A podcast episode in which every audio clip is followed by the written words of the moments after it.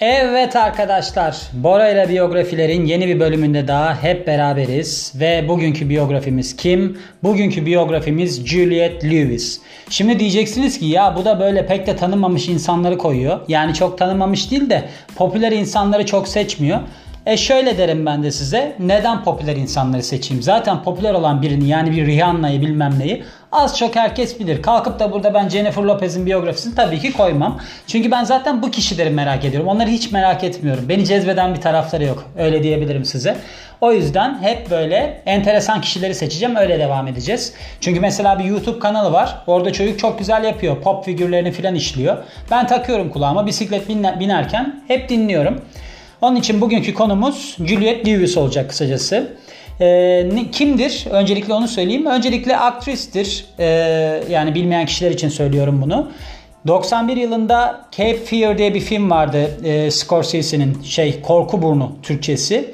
E, Robert De Niro ile beraber oynamıştı orada. O zamanlar küçüktü tabii ki. Ve de 93'te zaten o kadar da büyük değil burada da. Birinde 18 yaşında birinde 20 yaşında. 93'te de Natural Born Killers'ta oynadı. E, orada da Woody Harrelson'la beraber seri katil bir çifti canlandırıyorlardı. E, film biraz enteresan bir film o. O da aslında Oliver Stone'un filmi. Ama ben pek sevmiyorum o filmi. O filmi de nasıl izlemiştim? Şöyle izlemiştim. E, ergenlik yıllarımızda böyle kendini farklı göstermeye çalışan e, kız arkadaşlarımız vardı. Onlardan bir tanesi demişti ki ya demişti siz neden bahsediyorsunuz falan beyler demişti. Bir film var onu söyleyeyim onu izlemeye çalışın filan. Demiştik nedir? Demişti ki katil doğanlar olarak filmin Türkçesi olmasına rağmen demişti ki Natural Born Killers. yani natural falan da değil. İngilizcesi de o kadar yetmiş. E, Natural Born Killers demişti. O günden beri hep aklımdadır bu film. Filmin içerisinde hoşuma giden taraflardan bir tanesi Woody Harrelson'ın e, ultra güzel kafa şekliyle kafasını kazıtma sahnesi vardır. O hoşuma gider ama genel olarak bir tuhaf kurgusu olan filmdir. Pek sevmiyorum. Neyse benim zaten yorumum da çok önemli değil ama gene de içimi dökmek istedim. Kısaca tanıyalım. 1973'te 21 Haziran'da Kaliforniya'da doğuyor. Oyunculuğa bu kadın çok çok erken zamanlarda başlıyor. Yani 7 yaşındayken başlıyor öyle söyleyeyim. Başlıyor derken şöyle başlıyor. Mental olarak başlıyor. Diyor ki ben diyor 7 yaşında bakın bu sırada. Diyor ki ben oyunculuk yapayım. Ben oyuncu olayım. Bana o zamanlarda sorduğunuzda ben ne cevap veriyordum? Astronot olayım. Ya öyle bir şey söylediğimi hatırlıyorum mesela. Soranlara astronot olmak diyordum. Ee, bir küçüklük yıllarımda yani gençliğimin ilk yıllarında 3 ya da 4 yaşlarında filan bir asker olmaya çok hevesliydim. Onu hatırlarım mesela. Ama genelde böyle astronot olmak filan gibi. Sonrasında da bu şöyle ilerlemişti. Mesela lise yıllarımda ne olacağımı bilemeden ÖSS sınavına girmiştim. Pek çoğumuzun yaşadığı gibi.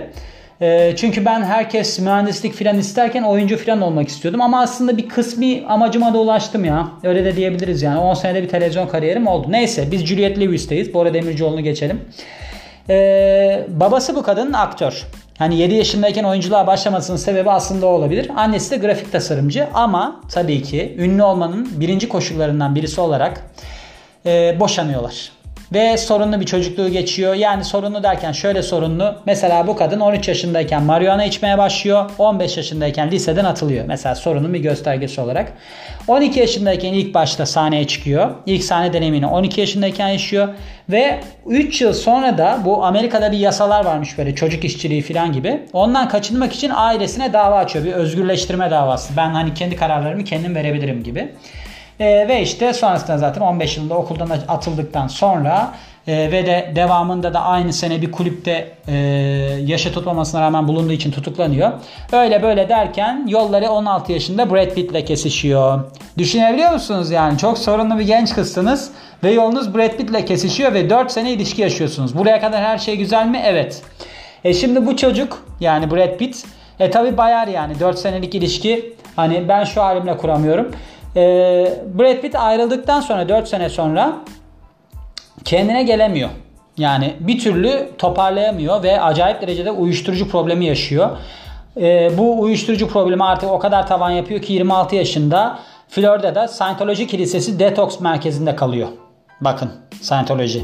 Çünkü neden? Bu kadının bir de Scientology durumu var. Acayip derecede hararetli bir savunucusu biliyorsunuz e, Scientology'nin. Çünkü diyor ki onların diyor bu e, bilimin dayattığı işte antidepresanlar falan gibi doğal yollu uyuşturuculara karşı olması benim taraf olduğum bir şey diyor. Aynı zamanda kendisi de e, şeye çok meyilli. Mesela o kendi kendine tedaviler falan var ya doğu felsefeleri işte doğal, doğal, çözümler zaten. O yüzden onunla çok şey e, yakın kafa olarak Scientology ile. Ama yani Scientology'ye mesela bu kadar bağlı olmasına rağmen de e, politik olarak bağımsız olduğunu söyleyip Hristiyan e, olduğunu söylüyor kendisine. Yani öyle nitelendiriyor kendisini. Böyle bir durum. E, oyunculuk kariyerine geçmemiz gerekirse ilk olarak oyunculuk çıkışını başta da bahsettiğimiz gibi Martin Scorsese'nin Cape Fear'da yani Korku Burnu'nda yapıyor. 18 yaşında bunda rol aldığında. Burada e, çok enteresan bir sahnesi var. Bu filmi izlediniz mi bilmiyorum. Ben de çok hatırlamıyorum aslında da hatırladığım bir sahnesi var. Bu Robert De Niro'nun baş parmağını emiyordu filmde.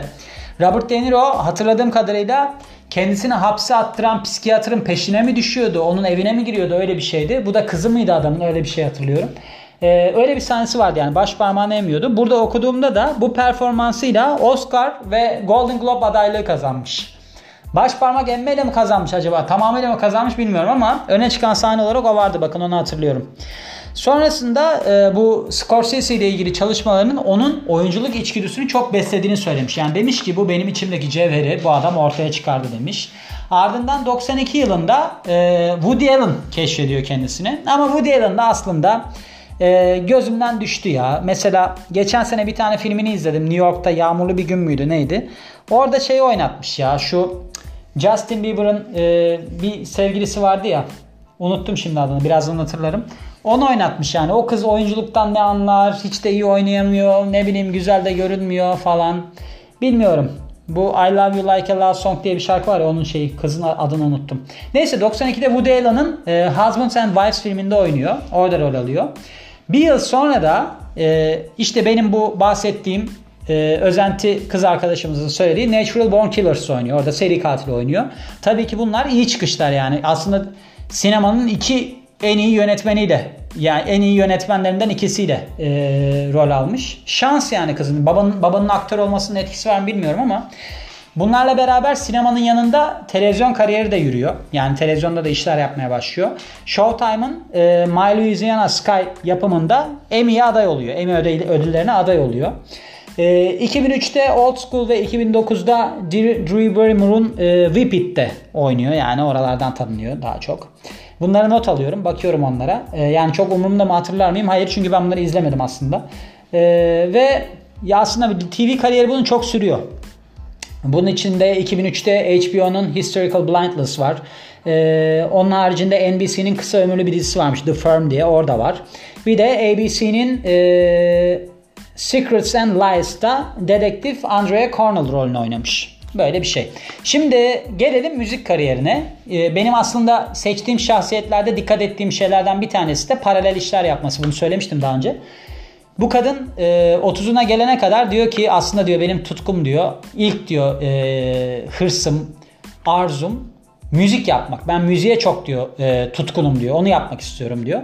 Ve sonrasında da film yapmaktan zaten sıkıldığı için müziğe tamamen tam zamanlı bir iş olarak başlıyor. Şimdi bu noktada ben bu kadınla kafamı çok yakın buldum. Çünkü e, ben iki senede bir her şeyden sıkılırım. Mesela bu biyografileri yaparım. 2 sene sürer umarım. Ondan sonra sıkılırım. Mesela bir internet sitem var benim bodysalonu.com diye. Orada mesela işte ilk başlarda bir sürü bölümler çektim bilmem ne. Sonra ondan da sıkıldım. İşte e, insanlardan sıkılırım, durumlardan sıkılırım, oturduğum yerden sıkılırım. Sürekli bir değişim halindeyimdir. Onun için anlayabiliyorum. Otur, bir de bunun şeyi var yani. E, destekçisi var. Hani bu kadının adı olduğu için müzik yapıyorum dese müzik yaptı. Ki bunun konseri vardı galiba Türkiye'de. Ben hatırlıyorum sanki çıkmıştı bunlar. 30 yaşına gelince işte tamamen geçiyor müziğe ve e, Juliet and the Licks diye bir gruba önderlik yapıyor.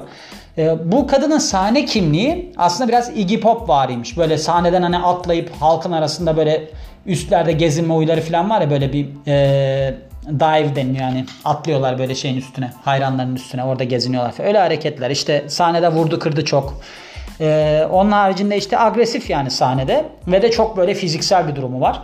Yani diyorlar ki buna Iggy Pop'un kadını. O derece bir e, şey alıyor.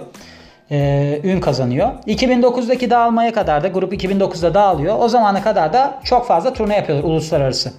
Sonrasında Juliet Lewis e, The Romantics adında başka bir grup kuruyor. Yani bu şeyi bırakmıyor. Müzik işinin peşini bırakmıyor. 99 yılında profesyonel kaykaycı Steve Barry ile evleniyor bu. Ve 4 yıl sonra da bu adamla da ayrılıyor ve şu anda da Los Angeles'ta yaşamaya devam ediyormuş. Gördüğünüz gibi sorun yoksa şöhret yok. Ruh hastalığı yoksa şöhret yok. Yani ben bilmiyorum bu insanlar özentilikten mi böyle çok marjinal davranmışlar yoksa gerçekten mi ruhlarında bu var ama benim de vallahi vardı ve ruhumda. Sonra hayat törpülüyor. O yüzden bilmiyorum. Allah insana şans versin ne diyelim. Diyorum. Teşekkür ederim diyorum. Bir sonraki biyografide görüşmek üzere. Ben Bora Demircioğlu. Hoşçakalın.